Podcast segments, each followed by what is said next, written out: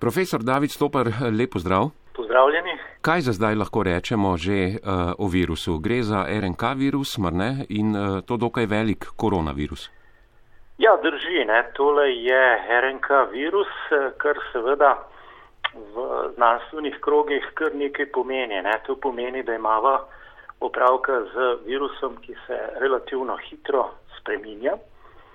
Eh, kjer je možnih zelo, zelo veliko uh, rekombinacij, kar pomeni, ne, da se lahko različni deli uh, genetskega materijala med seboj na nek način kombinirajo ne, in seveda s tem spreminjajo same lastnosti tega virusa. Ta virus tudi relativno hitro mutira, tako da poznamo seveda že kar nekaj a, eh, teh molekularnih detajlov a, eh, o tem virusu in dejansko gre za relativno velik eh, virus. Velikost virusa je seveda nek tak a, relativen pojem, a, gre za približno 100 nanometrsko velik delec, ne, kar je seveda v virusnem svetu nekje dokaj normalna a, velikost. Kako pa se obnaša in eh, seveda kakšna je njegova strategija? Kako to, da je za svojo tarčo izbral prav celice v spodnjem delu pljuč?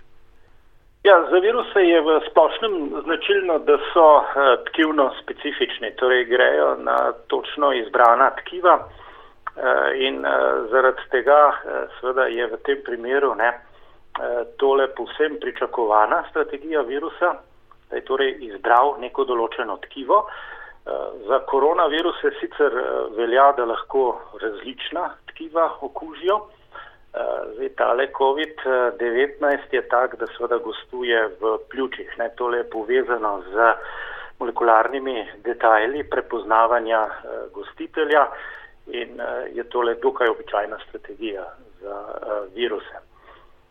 Načeloma je njegova strategija ta, ne, da uporablja mimikrijo kar pomeni, da se na nek način eh, prikrije. Tale virus je tak, da ko zapušča svojega gostitelja, se obda z membrano. In to ni zdaj seveda katerakoli membrana, ampak je membrana naših eh, celic, kar pomeni, da naslednjič, ko se ta virus eh, predstavi svojemu gostitelju, se pravzaprav predstavi z našo membrano in na ta način pravzaprav pretenta naš organizem.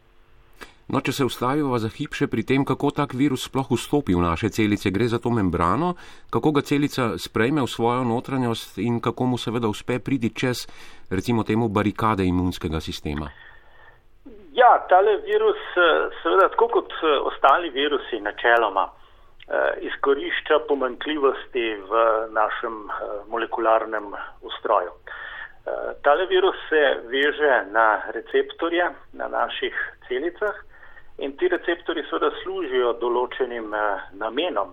Recimo receptor, na katerega se veže eh, COVID-19, je eh, receptor, ki ga mi uporabljamo za uravnavanje krvnega tlaka, deluje tudi protiunetno. Skratka, gre za receptor, ki se mu ne moramo kar zlepa odreči. In na nek način seveda virus potem izkorišča ne, tole našo ranljivost. Potem, ko se enkrat veže na takle receptor, pride do encimatske reakcije, do cepljenja proteinov. To je zopet nekaj, kar pravzaprav mi naredimo, eh, tako da z našimi seveda, proteazami eh, omogočimo temu virusu, da potem pride v naše celice. Ko se je enkrat zdaj tale kaskada molekularnih dogodkov zgodila, potem pride do fuzije membrane virusa z našo membrano, skratka do fuzije dveh uh, identičnih membran, kar je zopet nekaj, kar običajno uh, počne, počnejo naše celice. Zopet izkorišča ne, tale virus dejansko ne, tisto, kar uh, seveda v naših uh, celicah običajno uh, poteka. Ko je pa enkrat znotraj, Eh, seveda same celice, ne, potem pa zelo hitro prevzame kontrolo nad to celico, eh, se razmnoži, ponovno obda z membrano in ko zdaj seveda zapušča naše celice, imamo zdaj le virusni delec, ne, ki na nek način spominja seveda na naše membrane in eh, po naslednji vnos takega virusa olajšame. Profesor David Stopr, kako pa to, da pravijo, da bi mu uh, toplejše temperature zunaj lahko škodovale, po drugi strani pa mu čisto dobro dene naša telesna temperatura? Ja, to se zdi na prvi pogled nek tak uh, paradoks. Ne? Virus se razmnožuje seveda v naših uh, celicah, pravi na temperaturi tu nekje okrog 37 stopinj Celzija in uh, taka temperatura mu očitno zelo dobro dene. Res pa je, in to je treba seveda takoj ne potem pripomeniti, da se razmnožuje v okolju, kjer je bolj kot ne 100% relativna zračna vlaga. Ko takle uh, virus, ki nas seveda sili na kašljanje, ker je njegova strategija, kako se širiti uh, v okolju, uh, torej ko, ko izkašljamo večje število takih manjših uh, kapljic, uh, potem seveda te kapljice pridejo v okolje, kjer je lahko temperatura načeloma tudi visoka, uh, vendar je pa največkrat tam relativna zračna vlaga manjša. In v takem okolju, kjer je relativna zračna vlaga manjša, seveda potem uh, voda iz takih kapljic začne izhlapevati, vsebina take kapljice se začne koncentrirati, uh, tam noter tudi običajno pade uh, pH vrednost, skratka te kapljice postanejo bolj kisle. To so vse pogoji, seveda, ki niso najbolj uh, ugodni, predvsem za tole zunanjo membransko ovojnico, o kateri smo prej govorila. In seveda, če membranska ovojnica začne razpadati, potem je to bolj kot ne konec takega replikacijskega cikla uh, virusa. Tako da bi uh, rekel, ne, da je glavna razlika seveda tukaj je v tej kombinaciji temperature in pa vlage, ki ni ista zunaj kot uh, znotraj. Glede, do zdaj opažamo, da nekateri ljudje okužijo zelo veliko ljudi, da so tako imenovani super prenašalci. Kaj pa so pogoji, da nekdo postane tak super prenašalec? Zdaj, tale koncept super prenašalca je nekoliko uh, problematičen.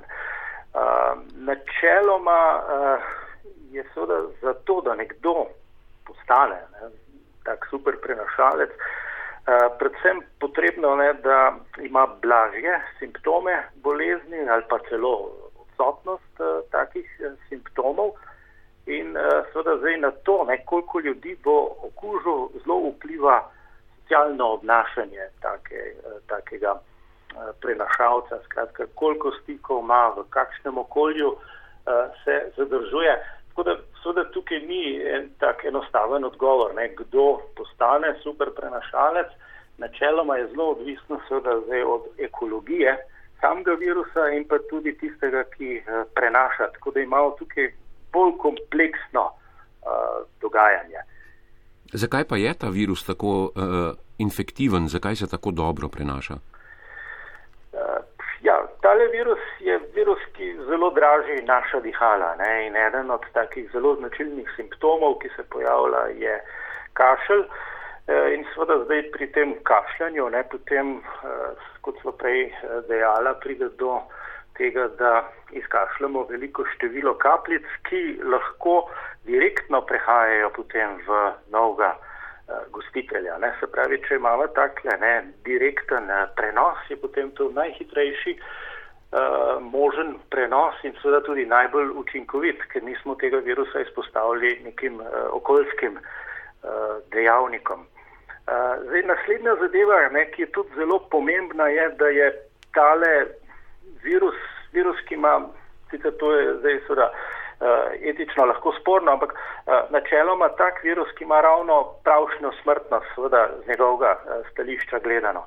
Če bi bil virus namreč bolj virulenten, potem bi seveda prihajalo do tega, da bi se tudi simptomi prej pojavili, verjetno bi se potem tudi taki ljudje hitreje izločili, bi seveda bil tale prenos potem bistveno zmanjšan. Uh, po drugi strani pa seveda, če bi bil tale virus bistveno bolj virulenten, uh, potem bi v kratkem času ne, zelo veliko potencijalnih gostiteljev tudi uh, si uničil. Tako da seveda tudi uh, stališča virusa ne, mora biti zdaj tale njegova virulentnost uh, ravno pravšna, da se potem hitro lahko uh, prenaša. Ne.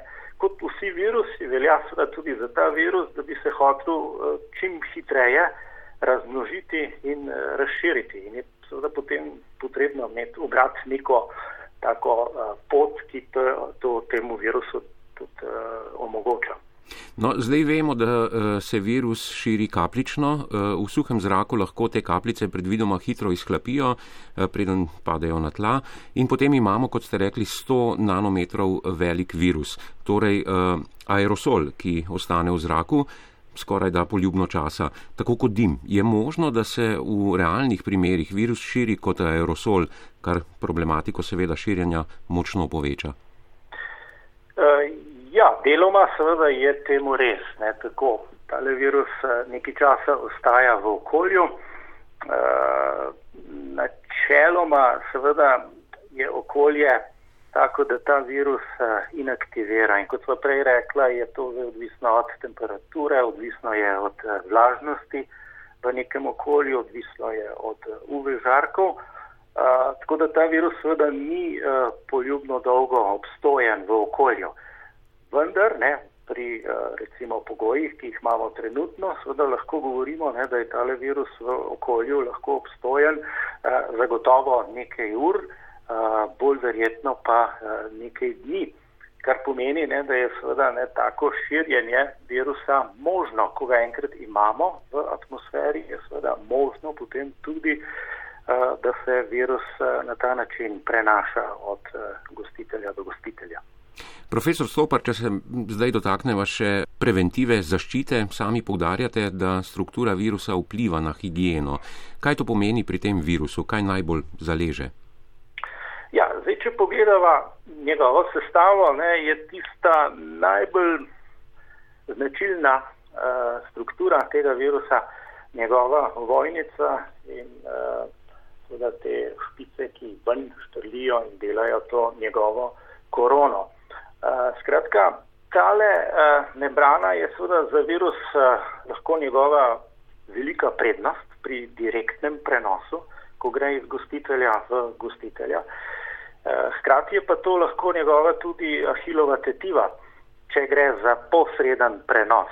Se pravi, če gre prenos iz okolja, potem seveda če pride do inaktivacije eh, in pa razgradnje te membranske ovojnice, potem virus pravzaprav nima možnosti inficirati svojega gostitelja.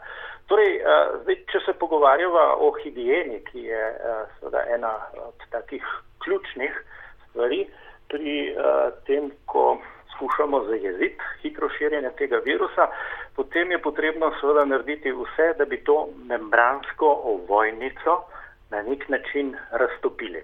In tukaj je več možnosti, ki jih imamo na voljo. Uh, najbolj taka uporabna možnost je seveda uporaba mila, uporaba uh, detergentov, ki jih imamo v teh milih, torej ne katerih koli detergentov, ampak detergentov, ki jih imamo v milih, ki uh, raztopijo tako membransko ovojnico. V tem primeru smo seveda problem rešili. Zdaj obstaja seveda tukaj tudi veliko razkužil, ki jih lahko uporabimo, ki v resnici podobno zadevo naredijo. Torej, ali a, a, vplivamo na proteine v tej membrani ali pa na lipide v tej membrani, skratka, na nek način moramo to membrano a, inaktivirati. Tako da tukaj je, je kar nekaj možnosti, ki jih imamo a, na voljo. Sveda je treba pač pri teh možnostih a, biti tudi previden, pretirana uporaba to vrstnih sredstev, seveda lahko ne tudi povzroča določene težave, preobčutljivostne reakcije in druge probleme, ki jih imamo lahko na koži. No, zdaj v teh dneh veliko govorimo o maskah in uh, njihovem pomankanju. Kako dobra zaščita pravzaprav so in ali je mogoče recimo doma narediti dobro zaščitno masko? Ja, okrog mask je res uh, veliko govora v zadnjem uh, obdobju. Treba se zavedati, da je virus nek tak pasivni delec, torej ne more se sam premikati v okolju, ampak je potreben nek tok eh, zraka eh, ali pa neka difuzija, s katero se lahko tale delec potem eh, premika. In zdaj vsaka barijera, ki jo naredimo na tej poti, je seveda lahko koristna in bi lahko zmanjšala transport takega virusa. Zdaj seveda pri maskah je tale težava, Eh, da je potrebno poznati v resnici, kakšna je poroznost te maske. kakšna je potem tudi porazdelitev por v tej maski. Tako da raziskave, ki so jih v tej smeri naredile, so take, da kažejo, da seveda maska ni stoprocentna zaščita. Lahko bi seveda tudi to vrstne maske naredili, ampak bi bile precej neudobne za samo uporabo. Tako da pri teh maskah ne, je tako, da je potrebna pravilna uporaba. Potrebno je seveda potem tudi vedeti, kaj narediti, ko smo tako masko odrabili. To je, bilo vprašanje, seveda bi se dalo tako zaščitno masko narediti tudi doma, potem bi verjetno bil odgovor načeloma da vendar ne, zdaj 100% zaščite ne, ne bi tukaj pričakovali. Zdaj, ko omejujemo uh, druženje uh, ljudi, kaj pa pravite na klimatske naprave v prostorih, kjer se giblje recimo neko uh, poljubno število ljudi? Uh, kako je z zadrževanjem v letalih denimo oziroma podobnih manjših prostorih? Ja, tole je težava, tole je velika težava. Ko imamo virus enkrat v okolju, kot sva prej dejala, seveda ne razpade takoj tale virusni delec, ampak je kar nekaj časa lahko v obtoku. Zdaj, manjši, ko je prostor, seveda večja je verjetnost, ne, da se potem uh, lahko širi po tem prostoru. Pri klimatskih napravah je se seveda načeloma odvisno, v katerem letnem času smo. Zdaj le klimatske uporab, naprave uporabljamo za hlajenje oziroma ogrevanje prostorov. Pri klimatskih napravah je vedno tako, da seveda ne spreminjamo zgolj temperature, ampak spreminjamo torej tudi vlažnost. In v tem primeru ne, imamo zopet isto uh, dilemo, kako zdaj tale virus preživi glede na temperaturno uh, vlažnostne karakteristike tistega prostora.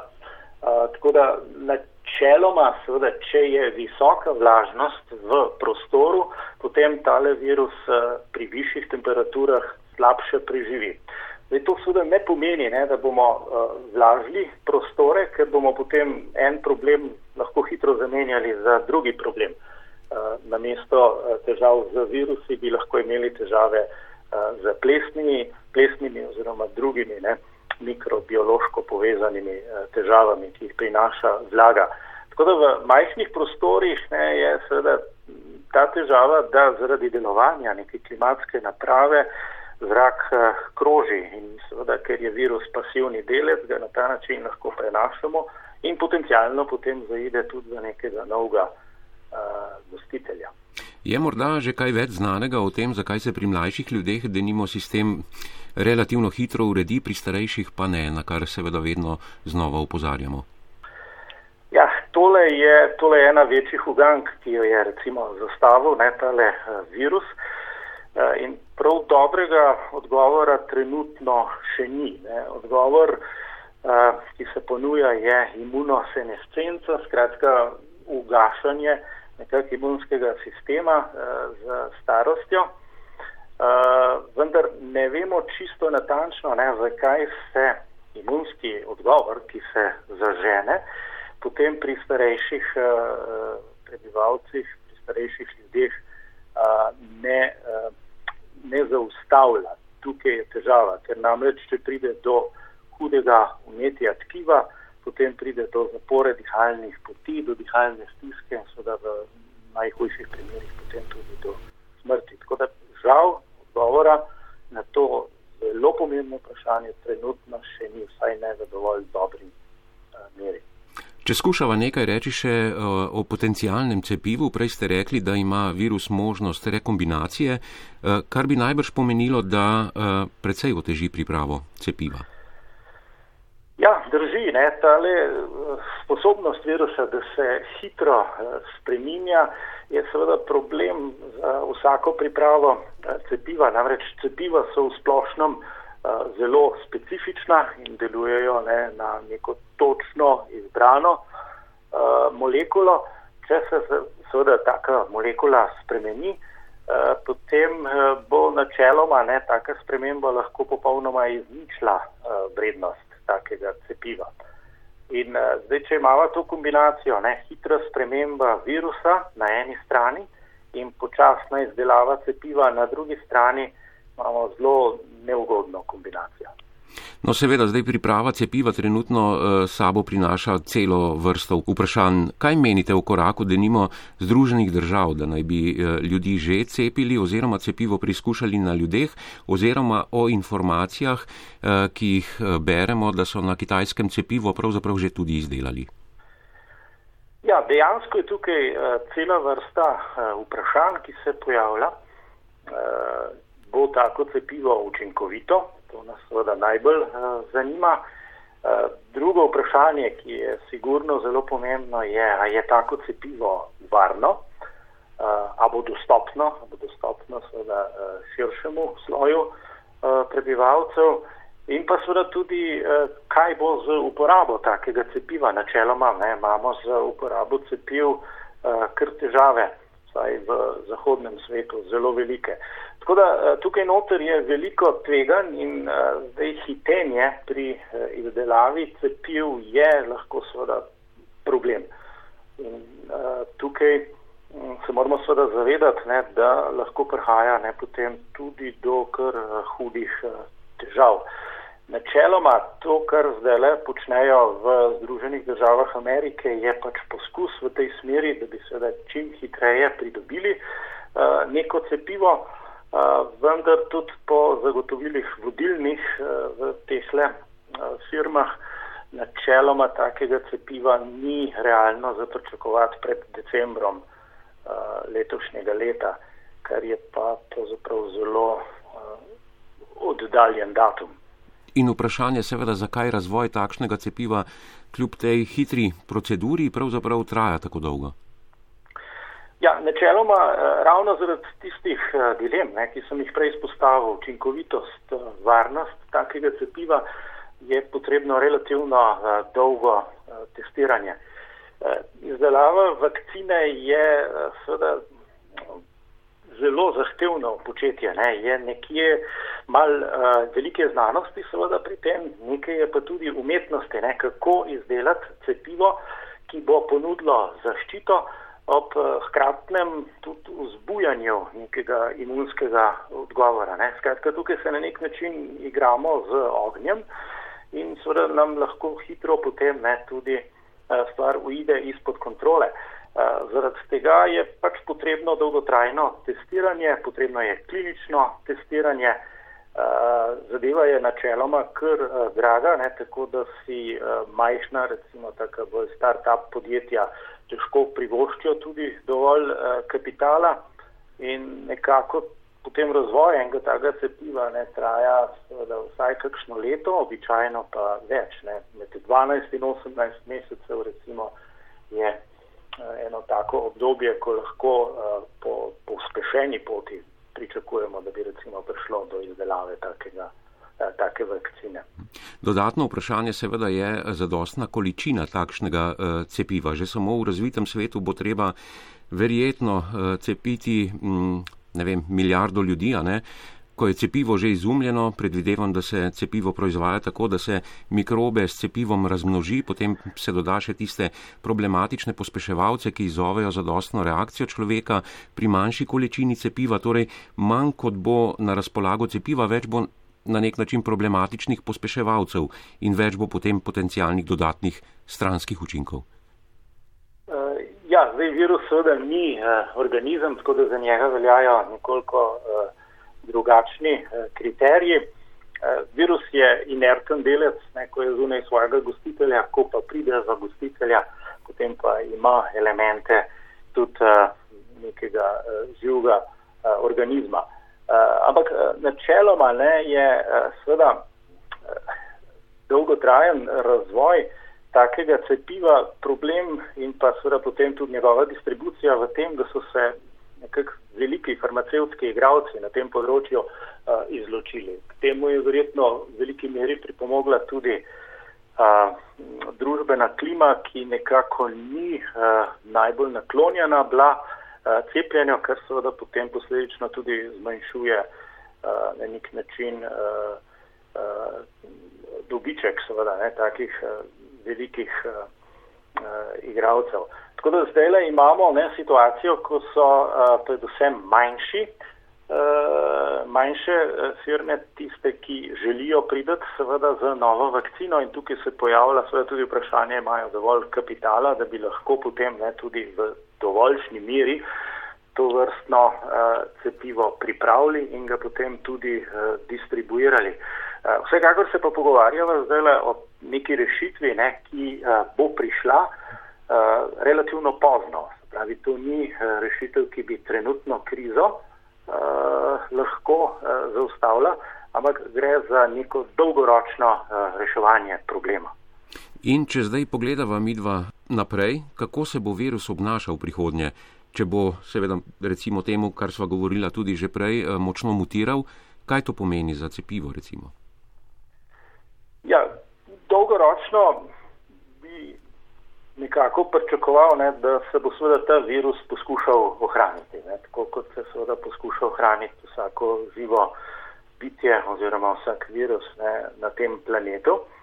Uh, načeloma ne, bo zaradi vedno večje uh, imuniziranosti populacije uh, njegovo preživetje, ne, predvsem seveda odvisno od njegovih sprememb, kako hitro se bo lahko potem tudi virus uh, spreminjal in uh, na ta način seveda dobival vedno nove uh, gostitelja. Uh, tako da tudi, če bomo seveda do tega cepiva prišli, uh, Eh, je zelo verjetno, da bo potrebno seveda tole cepivo eh, nadgraditi. Tako da to ni zdaj le rešitev, ne, ki je dokončna, ampak bo potrebno seveda to rešitev uh, v obliki recimo morebitnega cepiva seveda vedno znova izboljševati. Zdaj si ga prenašamo med sabo. Je mogoče, da ga predamo recimo naprej kakšni živali, s katero sobivamo uh, in ostane potuhnjanju naj? Ja, to ni popolnoma nemogoče. Ne. Načeloma je seveda prišlo do tega preskoka ne, iz uh, živali uh, na človeka, ki je zadnje raziskave uh, kažejo, da je kar precej verjetno, da je preskočil iz netopirjev. To se pravi, ta prenos ne, je seveda možen v eno smer, torej uh, načeloma je možen tudi v uh, ta drugo smer. Se pa treba seveda zavedati, ne, da ti uh, preskoki, niso zelo pogosti, ker pri takem preskoku seveda ni dovolj, da zgolj eno spremembo naredimo, pa se mogoče zaradi tega boljše takle virus veže na svojega gostitelja, ampak se mora seveda v tem gostitelju ne prebijati tudi skozi druge faze svojega raznoževalnega cikla in na kateri koli fazi seveda lahko pride do neke abortivne infekcije in potem je uh, tak uh, virus uh, zaključil ne, svoje razmnoževanje. Tako je potrebno več načeloma dogodkov, ne, da pride do tega preskoka, da se v novem gostitelju potem tale virus nekje dobro počuti, da se potem lahko hitro razmnožuje in potem tudi prenaša. Tako da ni nemogoče, zagotovo. Uh, smo bili temu že priča v preteklosti, smo priča v tem trenutku in bomo verjetno ne, tudi v prihodnosti. In tale prenos torej bi lahko šel v obe smeri. Več, ko je kontaktov, večja je verjetnost. Zdaj pogosto uporabljamo kot cilj termin kolektivna imunost, vendar le pa še tole vprašanje, zakaj ljudje, ki so že preboleli okužbo z virusom, zbolijo lahko znova. Načeloma z istim virusom ne zbolimo ponovno, ampak seveda, če se pa virus uh, spremeni, uh, potem je pa tole uh, popolnoma nova igra oziroma igra od začetka, ne, ker je ponovno potrebno seveda dobiti neko imunizacijo, odpornost na virus. Proti istemu pa načeloma ne. No in zdaj, ko smo priča uh, epidemiji, kakršna je tale, najbrž tudi ni zadnja. Ne? Uh, kaj povečuje možnosti za vedno nove in nove epidemije v prihodnosti, ki jih seveda verjetno lahko pričakujemo? Uh, zagotovo. Ne? Tole, uh, kot sva prej dejala, ne? ni prvi to vrstni primer, zelo verjetno tudi ne bo zadnji.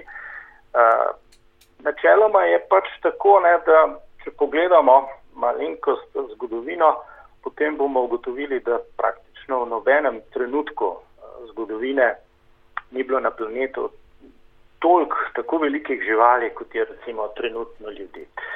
Eh, kar pa seveda pomeni, ne, da je potem jasno tudi več možnih kontaktov med uh, mikrobi v okolju in pa med ljudmi. Zdaj, seveda, če k temu recimo dodavaš še to, ne, da vsaj na nekaterih uh, delih tega planeta je kar veliko pomankanje ljudi, ki, uh, pomankanje hrane, ki recimo sili potem uh, ljudi v take neobičajne prehranjevalne navade, potem je tega kontakta lahko seveda še zelo več. Načeloma gre na začetku za neka majhna žarišča, ne, ki pa, kot smo videli tudi v tem primeru COVID-19, lahko hitro potem prerastejo v neke uh, epidemije ali pa celo v uh, pandemije. Uh, virusi so uh, genetski elementi, ki so vedno izrabljali napake in nedoslednosti ne, v našem uh, organizmu. Pač, za vse izkaže, da nismo popolni in uh, virus je mogoče en tak delec, ki nam uh, zelo lepo pokaže ne, to našo uh, nepopolnost. Recimo, če tako pogledamo, je to virus, ki recimo zelo izkorišča uh, našo socialno naravo, potrebo po stikih in je seveda to potem izrabo preko kašlja, ne, recimo za neposreden prenos iz uh, enega gostitelja na ta, drugo, uh, na ta drugega gostitelja. Uh, Ta virus seveda tudi izrablja to, ne, da se uh, radi masovno uh, zbiramo, kar je seveda za njega zelo priročno. Tudi to, da se hitro premikamo iz enega konca planeta na drugega, se zdi ne, za tale virus en tak nepričakovan uh, bonus. Tako da gre za razvoj na eni in pa na drugi strani, se pravi na strani virusa in pa na strani uh, gostitelja. Gre za neko naše koevolucijsko sobivanje. Skratka, ko naredimo mi en korak, ga mora tudi virus, uh, zato da ostajamo ne, v nekem takem dinamičnem uh, ravnotežju. In nas hkrati opozarja, kako ranljivi smo, čeprav se nedvomno. tega morda ne zavedamo. Nedvomno, nedvomno. Ne. Mogoče nas je malenkost ne tudi uh, razvoj, hiter razvoj družbe in znanosti nekoliko zapeljal in uh, v kje se ne vseeno uh, nekoliko ne, lažno upanje, seveda, ne, da smo neranljivi v tem. Profesor David Stopar, hvala lepa za tale pogovor. Prosim.